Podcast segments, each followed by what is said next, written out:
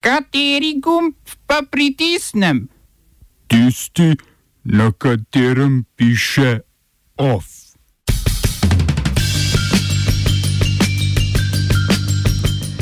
Trump osvojil že drugo ustavno obtožbo. Razpad italijanske vladne koalicije, oborožen napad uporniških sil na prestolnico Srednje Afriške republike.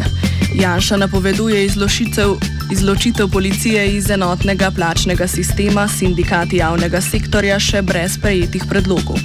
V kulturnih novicah razpis transbalkanskega zbornika mlade poezije Rukopisi.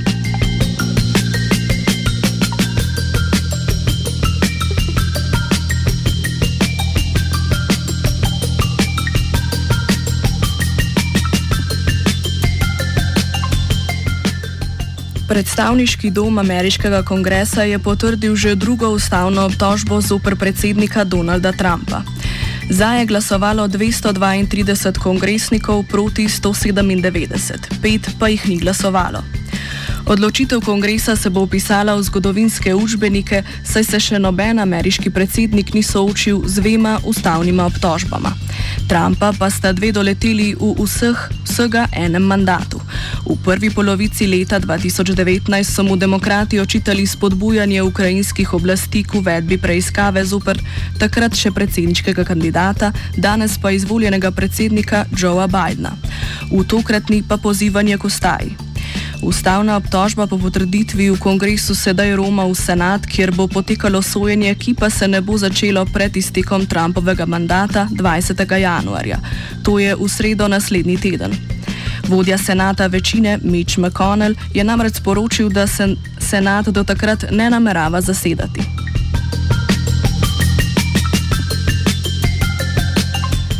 Postopek impeachmenta se bo tako najverjetneje nadaljeval po menjavi oblasti, ko bo senatna večina po zmagi v Džordži že na strani demokratov, vendar bodo za njen uspeh potrebovali tudi glasove vsaj 17 republikancev, saj je za uspeh ustavne obtožbe potrebna dvotretinska večina.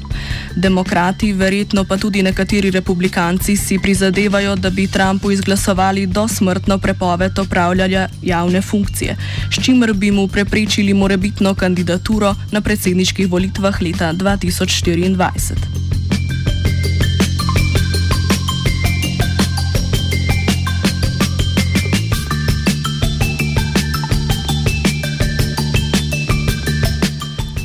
V Srednji Afriški republiki je vojska zaustavila napad oboroženih uporniških sil koalicije domoljubov za spremembe na glavno mesto Bangui.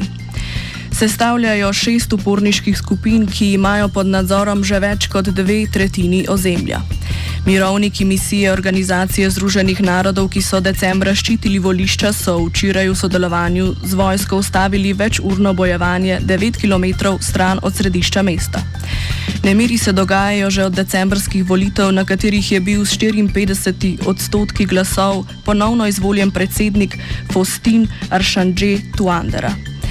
Njegov predhodnik François Bonzize naj bi po trditvah vlade podpihoval upornike k preprečevanju dostopa do volišč, zauzeli pa so tudi nekatera mesta blizu prestolnice.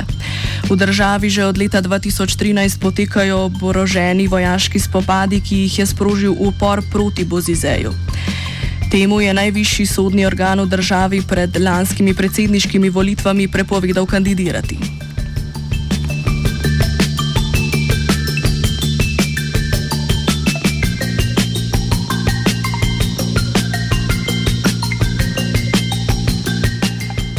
Vodja manjše sredinske stranke Italija Viva, bivši premijer Matteo Renzi, je prekinil sodelovanje z vladno koalicijo, ki jo vodi Giuseppe Conte. Do določitve je pripeljalo večtedensko zavračanje načrtov o poravi finančnega sklada za okrevanje težkega 200 milijard evrov, ki ga je državi namenila Evropska unija. Ob tem so z položaja odstopili tudi kmetijska ministrica Teresa Belanova, ministrica za družine Elena Boneti in ministr za zunanje zadeve Ivan Scalfaroto. Več o še eni v vrsti italijanskih političnih kriz v offsajdu ob 17.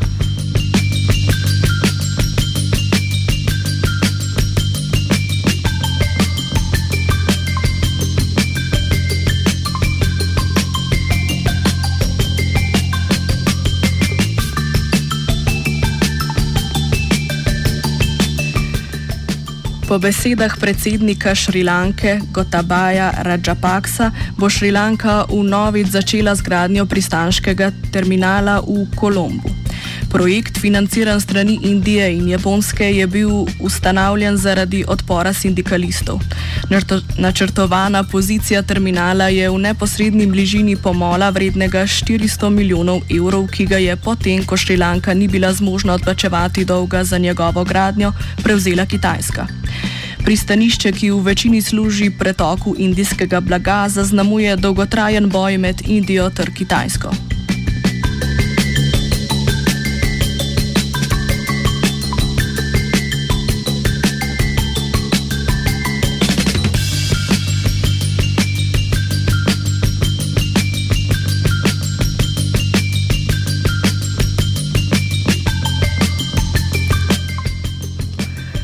Kuvajtski premijer Sabah al-Khalid je emirju šejku Nafavu al-Ahmedu predložil odstop, odstopne izjave svojih ministrov in na svoje odstopne izjave, kot smo poročali, in ne svoje odstopne izjave, kot smo poročali v včerajšnjem OFU. Te je premijeju v luči zaostrenih odnosov med vlado in parlamentom predal njegov namestnik, šejk Hamad Džaber al-Ali. 38 poslancev 65 članskega zbora je nedavno namreč podprlo zahtevo potem, da so premijeja zaradi očitkov o oblikovanju vlade mimo spoštovanja ustavnih določil in spričo nepripravljenosti, da bi predstavil načrt dela vladnega kabineta, zagovarjal v parlamentu. Kuwait ima med zalivskimi državami sicer najdlje delujoči izvoljen parlament, ki ima relativno široke pristojnosti, med drugim lahko denimo z glasovanjem odpokliče ministre, vendar pa je njegova moč z ustavo še vedno omejena oziroma podrejena emirju. Spori med parlamentom in vlado sestavljeno po principu emirjevih družinskih povezav so tako pogosti. Oba, če bom odgovoril na angliški. Slovenija will try to help. Uh, we can. Slovenija will uh, and we will do our utmost to say that the situation is.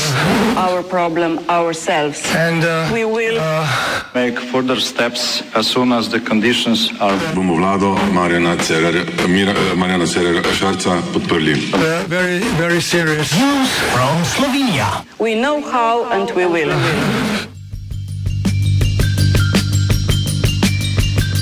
Premijer Janez Janša je kakopak na družbenem omrežju Twitter napovedal, da bo vlada operativni del policije izvzela iz enotnega plačnega sistema in pravičneje uredila razmerja. Čeprav v sindikatih javnega sektorja pravijo, da s konkretnimi predlogi sprememb niso seznanjeni, je po besedah vodje Konfederacije sindikatov javnega sektorja Branimirja Štrukla razmerje med različnimi skupinami zaposlenih možno reševati znotraj obstoječega plačnega sistema. Štrukelj še meni, da je zaradi takega vprašanja razsuvanje enotnega plačnega sistema ne posebej racionalno, niti ne posebej dobro premišljeno.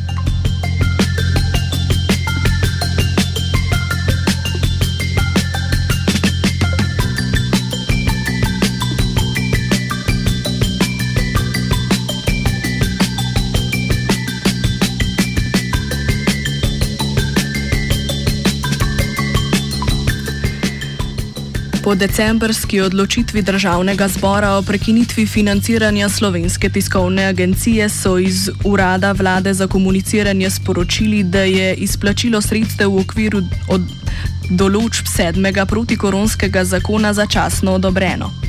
Po poročevanju Evropske komisarke Magrete Vester naj bi bila dokončna odločitev Evropske komisije v prid STA, ki je trenutno že 49. dan brez državnih sredstev. Prav tako sta UKOM STA ni plačala že za zadnje tri mesece opravljenega dela ter ni pristopil k sklenitvi pogodbe o financiranju za letošnje leto. SMC, Zorčič ter še celo Tonin vladne odločitve obsojajo ter si prizadevajo za izpolnjevanje vladnih obveznosti do nacionalne tiskovne agencije.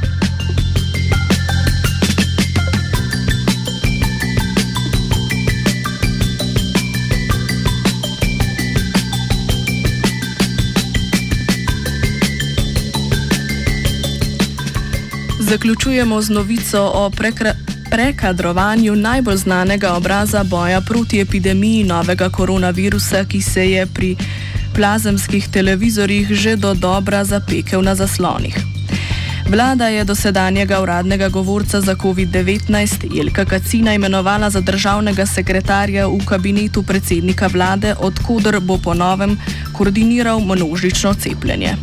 Naloge obveščevanja javnosti na tiskovnih konferencah bo začasno prevzela Kacinova dozdajšnja namestnica Maja Bratuša. Kaco srečno, uživaj, dokler lahko.